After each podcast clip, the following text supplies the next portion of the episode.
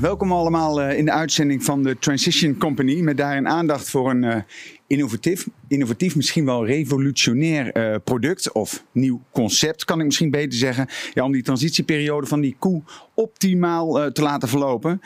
De naam van het product is, is Protivity. Daar gaan we straks heel veel over horen. Maar eerst natuurlijk even de gasten aan tafel uh, voorstellen. Uh, Harold Helmers, transitiespecialist en ook melkveehouder in, uh, in Giethoorn. Sander Stuy, transitiespecialist en ook melkveehouder in Ottoland. Theo van der Bij, transitiespecialist met circa 20 jaar ervaring in de sector. Dan weet je echt veel, hè? Kun je wel zeggen, ja. Ja, hè, dat dacht ik wel. En Freddy uh, Vriend, directeur van het moederbedrijf Visser uh, Holland. En bedenker van de Transition Company. Uh, Sander, even met jou beginnen. Protivity, innovatief, nieuw concept. Zeg het eens in één zin, wat is er zo goed? Nou, met Protivity hebben we nu de mogelijkheid om 7 tot 900 gram soja per koe per dag te besparen in het rantsoen. En daar komen we dan straks wel even op terug hoe dat dan zit. Daar kom je wel even op terug hoe dat zit, inderdaad. Uh, ja, uh, Theo, even voor de goede orde. Een transitiespecialist. Uh, jij bent dat dus al twintig jaar. Wat is en doet hij eigenlijk? Nou, dan ga je vooral kijken naar de periode van 80 dagen rondom afkalven. Ja, dus de periode voordat, voordat de lactatie begint en, en de, dagen daarna, de, de, eerste opstart. En daarmee kijken we ook heel goed naar, naar het rantsoen. Ja, precies. Dus jullie weten precies wat er allemaal gebeurt in die koe. Een beetje de diëtisten van, uh, van de koe of zo. Nou, we proberen in elk geval zo goed mogelijk in beeld te krijgen. De, door goede analyses en uh, et cetera. Ja. En, uh, en ook vooral te kijken naar, naar de kwaliteit van de driehoevoer bijvoorbeeld. Ja, Harold en, en Sander, jullie hebben beide een melkveebedrijf ernaast. Maar jullie zijn ook die specialisten dus. Dat is goed te combineren? Het is een ideale combinatie. Want ehm, wij testen een boel voor, uh, voor de Transition Company. En omgekeerd de ervaring die we op de boerderij daar dus met de producten opdoen en ook met concepten opdoen, die kunnen we weer doorvertalen naar onze klanten toe. Ja, ideaal eigenlijk dus. Ja, perfect. Je test het meteen even. Ja. En dan weet je dus dat het goed zit. Ja, of dat het op een andere manier moet. Ah, dus dat is ook dat proces wat, ja. uh, wat de afgelopen jaren is, is, is gebeurd eigenlijk. Ja, zeker. Totdat dat Protivity dan nu op de markt is. Ja. Alright. Uh, Freddy, uh, even helder hebben, hè? want jij bent uh, de grote baas van Visser Nederland, directeur. het is een familiebedrijf, 70 plus jaar. en jullie hebben daarbinnen de Transition Company opgericht. Hoe ja, dat? we hebben de Transition Company opgericht een, een, een, ongeveer tien jaar geleden. Uh, toen we merkten dat onze klanten gewoon interesse kregen en hadden natuurlijk in die, in die hele voeding. En we zelf ook uh, daar steeds uh, dieper in terecht kwamen eigenlijk. Ja. Interesse ook. Maar vis in Nederland is dan? Nou, vis in Nederland gaat breder eigenlijk. We zitten in Nederland al 70 jaar, maar daarna zitten we ook al 20, 25 jaar in, in een groot deel van de andere Europese, Noord-Europese landen. Ja. Zijn we actief. En daar horen we ook zoveel. Actief in? In de verkoop, in de advisering ja. bij melkveebedrijven. Ja. En Transition Company is een onderdeel daarvan? Is onderdeel, dus ik noem het vaak als een soort divisie van Visser Holland dan. En daar zijn we echt gespecialiseerd in die, in, in die transitieperiode. Ja. Uh, ja, we hoorden net al even, die, dat is dus die, die droogstand en dan uh, de opstart. Uh, dat is wat is het, 80 dagen na? Ja, het is eigenlijk de zes weken voor het afkalven, 80 dagen na het afkalven. Die periode kijken we en we, uh, we zien dat daar gewoon nog zoveel mogelijk is. Ja, want ik vraag me af, mij. waarom die periode specifiek? Dan is nou, die periode is zo belangrijk voor dat dier. Voor, voor als, ze, als ze die periode goed doorkomt, in het totaal, dan, ja, je kunt dat niet helemaal zeggen, maar dan gaat de rest haast op de cruise control. Ah, oké. Okay. Dus die periode is, is echt cruciaal. Gaat het goed, dan, dan is de kans heel groot dat de rest ook goed gaat. Ja. En andersom uh, heb je een probleem daar. Heb je ook een serieus probleem in de rest van, de, van die cyclus. Precies, dus jullie zijn daar ingedoken, weten daar heel veel van, uh, geven advies en maken dan op maat rantsoen, zodat je precies weet wat het beste voor de koe is. Ja, ja. En de basis is dat we eerst in kaart brengen hoe de situatie is. Ja, en is dat dan nodig? Ik bedoel, boeren zijn er al zo lang. Is het binnen de landbouw dan helemaal uniek of uh, uh, nodig? Wat is uniek? Uh, zie, wat we zien is gewoon dat heel veel melkveehouders natuurlijk van allerlei dingen op de hoogte moeten zijn binnen hun bedrijf. En het is best moeilijk om overal specialist in te zijn. Dus we zien gewoon dat wij hier gewoon een goede rol in kunnen vervullen om ze in dit onderdeel te ondersteunen. Ja. En sommigen weten er heel veel van. En die dagen ons ook uit weer op hun bedrijf om het beter of anders te doen. Ja. En uh, ja, uh, we leren daar met elkaar veel van. En we zien echt een rol voor ons in die, uh, in die periode binnen de melkveehouderij. Maar goed, het boerenverstand doet het al heel lang. Kom, komt er weer een keer eh, jullie met zo'n een of ander nieuw verhaal. Ja. Kan me indenken dat mensen zeggen, hey, wij weten het echt allemaal al wel hè. Nou, je weet natuurlijk dat eh, heel veel, eh, elke branche en ook de melkveehouders zit natuurlijk vol van innovaties om verder te komen. En, en, en die proberen wij te brengen. En gelukkig staan er heel veel melkveehouders in Nederland en in het buitenland open voor die innovaties. Ja, ja, dat merk je ook. Nou ja, het heeft ons zeker verbaasd dat eh, veehouders eigenlijk zo weinig de focus hadden ook op de droogstand. En dat daar eigenlijk, dat ze gewoon het idee hadden van dat is iets van automatisme. Dat gaat gewoon vanzelf. Ja, Hè? dat doet die eh, koe zelf allemaal wel. Ja, dat, dat komt allemaal wel goed. Ja, maar dit, jullie kunnen echt het verschil maken voor die boer, voor die koe. Dat is eigenlijk wat jullie zeggen. Klopt. Uiteindelijk, als je die transitieperiode goed doet, ehm, dan gaat een koe gewoon weer een jaar langer mee. Dus ehm, het is gewoon cruciaal, want eh, die transitieperiode bepaalt of die koe op tijd drachtig wordt. Die bepaalt of die koe grote kans heeft of niet om, om ziek te worden. Bepaalt hoe de melkproductie is. Dus als je die goed doet, eh, dan loopt het veel soepeler allemaal Ja. voor bedrijven. Eh, een, een optimale eh, transitieperiode, dat, is- dat is wat jullie wil, willen eigenlijk. En dat begint schijnbaar bij met goed ruwvoer. Theo, ligt dat eh, even toe? Ja, dat goed ruwvoer is in elk geval voer wat, eh, waar de koe veel mee kan. Wat goed verteerbaar is. Wat ook heel smakelijk is en goed geconserveerd is. Hè, en daardoor eh, komt veel meer energie vrij voor die koe.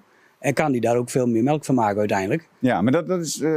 iedereen die kijkt waarschijnlijk weet het allemaal heel goed. Ik zal het iets minder weten, maar dat, het is gewoon dat, dat gras en dat mais dat fermenteerd is, dat is ruwvoer. Dat klopt. Dat En- klopt. en- Alleen en waarom kunt- is dat zo belangrijk? Waarom is dat de basis? Nou, het- het maakt een heel groot deel uit van het rantsoen. Hè? Zeker eh 50 En, eh, en daarom eh, heeft het ook heel veel invloed op, ehm, op uiteindelijk hoe de koe functioneert en hoeveel krachtvoer die ook kan verwerken. Ja, want dat wordt er dan aan toegevoegd. Precies. Hè? En de totaliteit van het rantsoen maakt dat die, eh, dat die koe nou ja, wel of niet eh, op, op gezonde manier zijn productiejaren eh, volbrengt. Ja, want als- dat ruwvoer gewoon goed is, dan scheelt het in wat je moet toevoegen. En als het heel slecht is, dan moet er veel meer bij. En dan kost het eh, de boer veel meer geld. En, en, Moet, er moet er veel meer bij, maar de koe kan er ook veel minder mee. Dus de efficiëntie gaat ook sterk achteruit. Ja, maar en, en hoe kan het dan zo verschillen? Want het is dan toch gewoon dat mais of de, ja, ik zal het te simpel zien, want het is gras en mais. En waarom verschilt dat dan? Ja, dat is een hele goede vraag. En ik denk dat heel veel, Boeren men- kunnen erop aanhaken. heel, Ja, heel, dat- heel veel mensen die, eh, die, die vragen zich dat af. Er zijn ook heel veel meningen over. Hè, maar eh, voor ons is, eh, staat gewoon voorop. Het moet goed verteerbaar zijn. Het moet smakelijk zijn. En de koe die moet er gewoon veel van, van kunnen verwerken en opvreten. En Ja. dan, eh, dan functioneert die goed. Het, Ja. wordt, het wordt nooit beter dan het moment dat het afgemaaid is. Dus wat je daarna doet, dat is vakmanschap. En doe je dat goed of, of doe je dat minder goed, daar zit eh, heel serieus geld tussen op Ja. een uh, melkveebedrijf. Ja, want, want eh, als dat heel goed is, eh, kan je dat uitleggen? Wat, is er dan zo gunstig voor? Nou, uiteindelijk, eh, als ik dan puur naar gras kijk, daar zit energie in, er zit eiwit in, er zitten eh, vezels in. Nou, eh, op het moment van maaien, dat is eigenlijk de beslissing van eh, welke verhouding dat is. En hoe beter je dan het conserveert, hoe meer er overblijft voor die koe. Ja, Waar wij voor gaan is gewoon eh, hele hoge verteerbaarheid. Dat betekent dat wat erin zit er ook uitgehaald kan worden, zoveel mogelijk. En omgezet kan worden naar melk. ja. En, en wat, ja, wat is het namelijk dan zo belangrijk aan die verteerbaarheid? Dat het beter opgenomen Nou, je moet je voorstellen als je gras hebt ehm, eh, met een lage verteerbaarheid. En, en er kan zomaar 10, 20 procent eh, verschil tussen zitten. Een lage verteerbaarheid, dan, dan gebeurt er niks in de maag. Dan wordt het Nou, uit, uit, dan gebeurt er wel wat in die maag. De koe is echt, dat is een hele harde werker. Alleen eh, als de verteerbaarheid van het product tegenvalt, 10, 20 procent minder, betekent dat die koe daar ook dus 10, 20 procent minder uit kan halen. Ja, Maar ik, ik vergelijk het wel misschien ook praktisch met als je zelf uit eten gaat. Als je een lekker biefstukje hebt, eh, dan heb ik die vaak liever mals. Maar als die een half uur langer gebakken is, nou, dan weet je, weten we allemaal wel hoe de verteerbaarheid is. Ja, en hoe lang dat duurt voordat die uit je systeem is. En Ja. hoe lang dat effect heeft. zo kwetsbaar is het dus eigenlijk. het, Eh, ja. en jullie doen dus voeranalyses om precies te weten, om die data eruit te halen van wat is er verder nog nodig. Ja, die, eh, die laten we doen. Maar eh, deze analyses die, die zijn weer specifieker als wat gangbaar is. En die kijken weer veel meer naar hoeveel komt er binnen de eerste eh 12 uur vrij. Hoeveel binnen 30 uur. Hoeveel binnen 120 uur. En ga zo maar door. Ja. En, en daarmee kun je veel beter het andere voer op het ruwvoer plannen. En eh, waardoor het rendement gewoon hoger wordt. En, en dan, ik was jullie eh, brochure aan het lezen. Dan lees ik dat de smaak nog belangrijk is. Eh, het belang van het droge stofpercentage. Het lijkt wel rocket science waar jullie mee bezig zijn. Maar, maar ligt eens toe, smaak, het droge stofpercentage. Ehm, nou ja, het droogstofpercentage heeft sowieso effect op conservering. En een koe houdt van eh licht zure producten. En wat is droge stofpercentage? Nou, je, je hebt, eigenlijk is het eh, eh, eh, ja, het droge product in een kilo. Dus eh, eh, eigenlijk de kilo min het vocht, dat is het droge stofpercentage. Als je het allemaal uitlaat, eh, dat is wat je Ja. overhoudt. Kijk, en, een, en een koe die eet eh, uiteindelijk kilo's, maar die eet kilo's droge stof. En er zit een keer een maximum aan. Dus Ja. wij rekenen in de sector eigenlijk altijd met droge stof. Ja. Als dit allemaal niet goed gaat, wat kan er dan misgaan met de koe? Weet jij waarschijnlijk ook. Nou ja, wat, wat er, er kunnen heel veel dingen eh, misgaan als er eh, bepaalde factoren niet eh, voldoen aan de behoeften van, van die koe, zeg maar, op, het, op een bepaald moment. Ehm, kijk, als dat ruwvoerkwaliteit, als die niet dermate goed is, dan zie je gewoon dat het terug in de melkproductie dat die wat tegenvalt. Maar ook op de gezondheid van de koe, de vruchtbaarheid van de koe. En dat heeft gewoon allemaal zijn effecten daarop. Ja. Dus als. En we weten dat ook eh, als, eh, als melkveesector, dat we als we die ruwvoerkwaliteit goed voor elkaar hebben, ehm, dat we dan rendement kunnen draaien, omdat die koeien dan gezond zijn en met een hoge efficiëntie melk kunnen maken. Ja. Hey, jullie hebben allemaal zogenaamde droogstand- en opstartconcepten. Kun je dat toelichten? Ja, nou sowieso, het begint met eh, droogstand. Eh, dat moet goed, ook om ervoor te zorgen dat die koe daarna gewoon goed melk geeft. Waar de focus op ligt binnen ons droogstandsconcept is, eh, daar hebben we weer de hoge droge stofopname. We willen daar eigenlijk minimaal 14 kilo droge stofopname eh, zien. En waarom is dat zo belangrijk? Ehm, elke kilo droge stof die die koe eh, voor afkalven meer opneemt, is minimaal een kilo droge stofopname na afkalven. Dus dan heeft die koe de energie ook weer om na afkalven daar melk van te kunnen maken. Ja. Dus dat is de droogstand. Uiteraard willen we melkziekte voorkomen en dat lukt ook vrij goed. Ehm, dat doen we met eh cation-anion verschil. Dat is bij de meesten wel bekend. Maar daarmee eh, zorgen we eigenlijk dat de calciumstofwisseling gewoon eh, ja, goed door blijft draaien. Dat die koe gewoon goed en gezond eh, het kalf ter wereld brengt. En daarna ook eh, vlot melk kan gaan produceren voor dat kalf. Ja. En als aanvulling misschien goed om eh, te zeggen dat we ook in die droogstand rekening houden dat dat kalf natuurlijk gigantisch groeit Ja. hè, in, in die koe. Dus die moet ook gevoed worden. Ja. Dat wordt ook nog wel eens vergeten. ja, precies. Daar wordt dan niet eh aangedacht. En, Heel eh, belangrijk. ja. En, en, maar je hebt meerdere concepten. Dus het op- opstartconcept is, is daar dan onderdeel van? Of hoe moet ik dat zien? Ja, onder andere, kijk, ehm, eh, als die droogstand goed gegaan is, dan ben je eigenlijk op de helft. En dan moet de andere helft moet nog komen. Want, ehm, dan, dan moet je ook wel zorgen dat je eh, nou ja, gas gaat geven, in, eh, om het maar zo te zeggen. Ja. Dus die koe die heeft een fantastische warming-up gehad. En eh, vervolgens wil je dat, dat daar eh, rendement voor gaat komen, dat er melk komt. En ehm, dat betekent dat die koe voldoende eiwit en voldoende energie beschikbaar moet hebben om melk te kunnen produceren. En daar hebben we ook eh, hele leuke dingen voor. Ja, precies. En jullie echt analyseren echt elke fase Ja. van, van, van eh, nou ja, het, het hele proces wordt dan eh, uitgelicht en kijken daar welk voedsel, welk rantsoen Ja. belangrijk is op welk moment. Ja, uiteindelijk is een koe is, is echt een heel mooi dier, maar ook een moeilijk dier, omdat het een pens heeft. En eigenlijk als boer voer je die pens en die pens die voert die koe als je het heel plat wil slaan. Ja, En ehm, ja, die pens draait alles om balans. Dus de energie en de eiwit moet met elkaar in balans zijn. Er moet vol- voldoende vezel zijn. Eh, nou, noem het allemaal maar op. En daarom rekenen we daar ook aan. Daarom hebben we ook die analyses eh, nodig van hoeveel komt er dan na zoveel uur vrij. En als je dat goed doet, dan gaat, dat, eh, ja, gaat die koe gewoon heel gezond, heel makkelijk melk produceren. ja, ja, waar was Transition Company vooral ook mee bezig zijn, is dat je. Eigenlijk onze slogan is ook: we gaan van voeren naar voeden. Dus meer kijken naar wat heeft die koe in die specifieke periode nodig, wat zijn zijn behoeftes. En daarop aansturen en daar in het rantsoen eh, eh, die behoeftes ook gewoon eh, bedienen, zeg maar. ja, en op die manier kun je ehm, nou, uiteindelijk het rendement verhogen op het bedrijf. En daar zit wel een wezenlijk verschil tussen het bezig zijn met voeren of met voeden. Dus in het woord is het maar één letter verschil, maar eh, in de praktijk ehm, heeft dat gewoon hele grote verschillen. Is het boeren dan nog wel leuk? Je moet van alles doen, joh. Dan dat, dan zus, dan zo. En eh, ondertussen moet je die stal ook nog schoonhouden. Ja, ja. nee, maar Is het gecompliceerd? Is het lastig? Of is het makkelijk in te voeren in het normale Nou, wat, je, wat je wel ziet in de melkveehouderij, dat, dat de marges steeds kleiner worden. Dus je moet steeds meer specifiek ehm, en steeds beter je best doen om rendement eh, te draaien op de melkveebedrijven. Ehm, dus de noodzaak is ook daar om op alle punten goed je best te doen. Ja. En, eh, Nee, goed, En het is beter en het kan. De, de innovatie is er. En de, de- maar is het ook nog goed te doen? Of is het echt wel een lastig iets? Eh pilletje zus? eh, Nee, het is, wel, het, is, dit, het is wel zeker goed te doen. Kijk, we moeten het ook praktisch houden. Ehm, en, en de kracht zit hem dan ook in de eenvoud in de, in de rantsoenen. En daar zijn we dan ook wel mee bezig. Dus even goed weten hoe het zit. En dan pas je dat gewoon toe in de Ja. dagelijkse... Het is niet eh Ja, het moet- gebeuren. Het moet ook niet zo worden dat je bezig bent met een apotheek. Nee, ik kan me denken dat mensen, als ze niet helemaal nog hebben verdiept wat het is, denken, "Pff, wat gedoe allemaal, joh. Ja. Wat, wat moet ik dan allemaal wel niet? Ja, nee, precies. Maar dat valt nog wel mee. Ja, nee, dat valt, valt zeker. valt reuze mee. Het, eh, je moet het zo zien, het werk moet toch gedaan.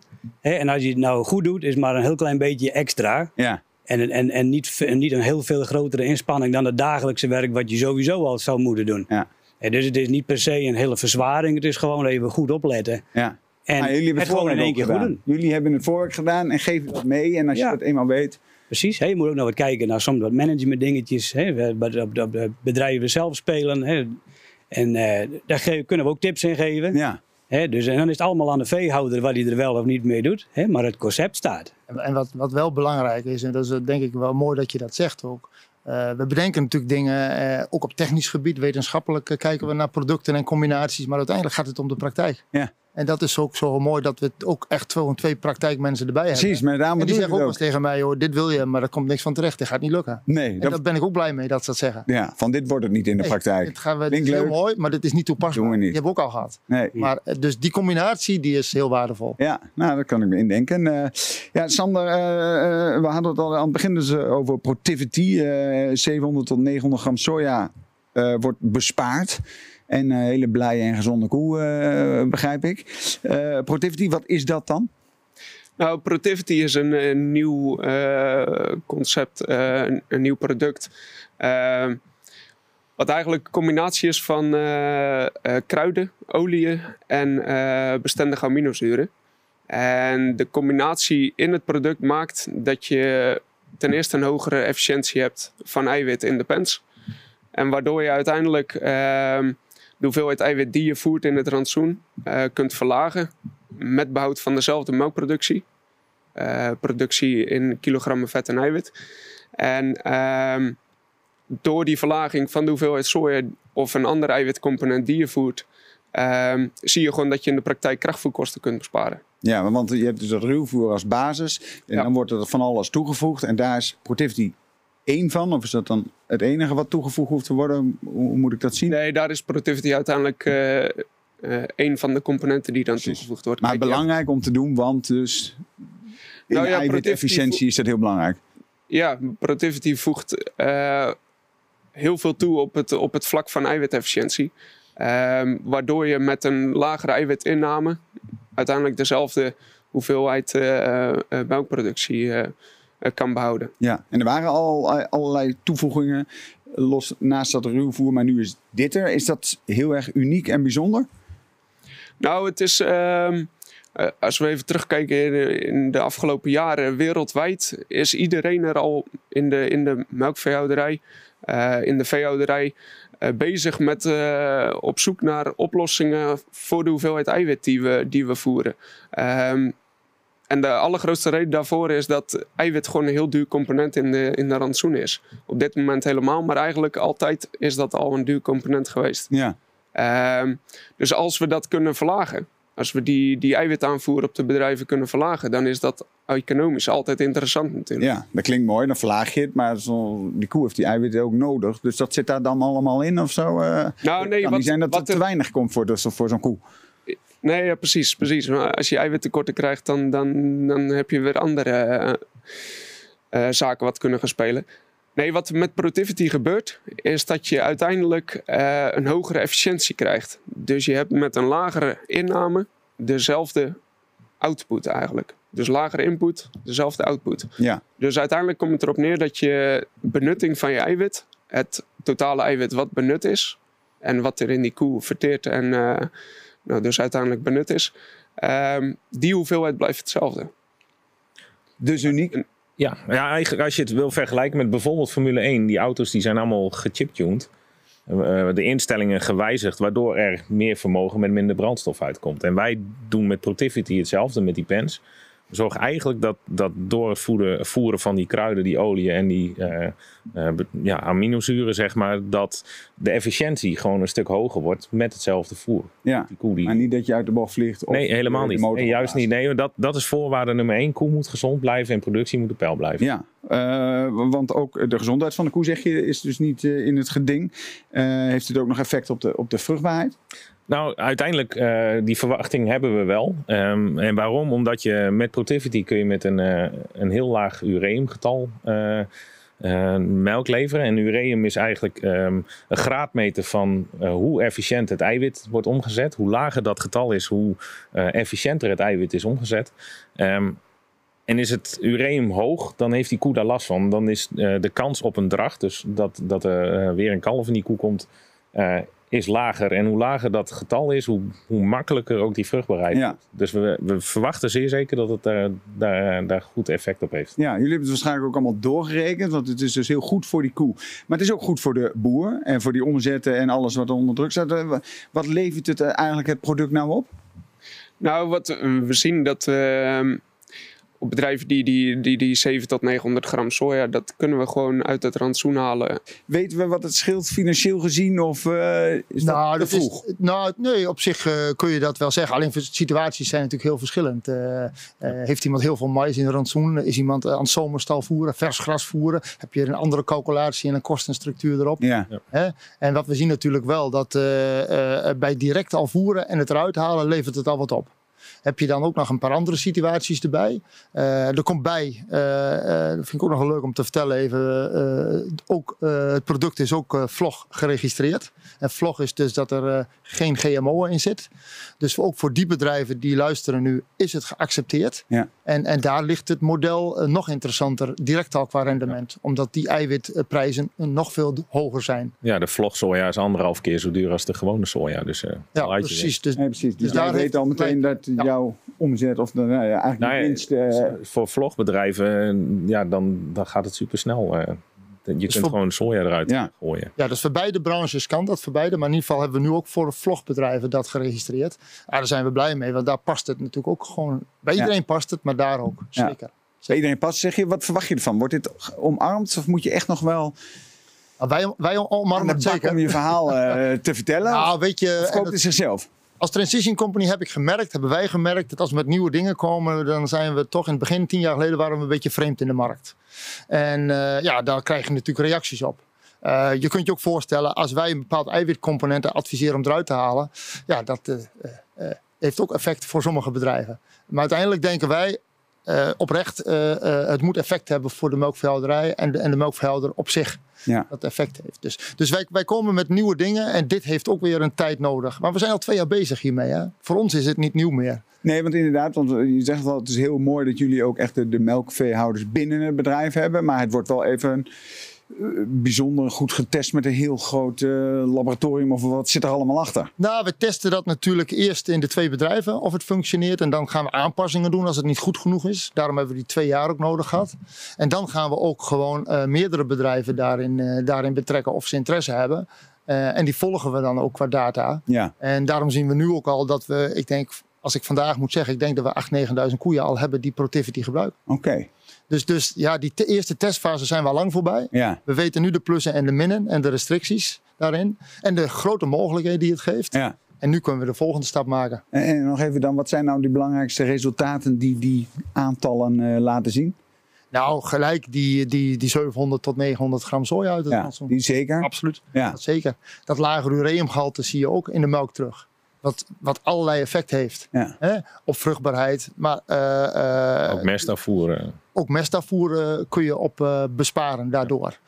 Dat noemen we nog niet eens, maar dat is ook een onderdeel wat wel kan. En dat Ja. willen we op, op, aan tafel graag met mensen die geïnteresseerd zijn dat ook eens neerleggen. Ja, en dan denk ik ook, maar dat is wel knap dan dat jullie dan zo'n product hebben. Maar, want er zijn natuurlijk genoeg concurrenten die hier ook allemaal mee bezig zijn. Dit is een, een probleem die er al heel lang was. Dus, dus zijn jullie de enige of eh, hoe blijf je voorop? Nou, ik denk, zie je, als het goed is, zullen, zullen hier veel bedrijven mee, mee bezig zijn. En dat, dat denk ik ook.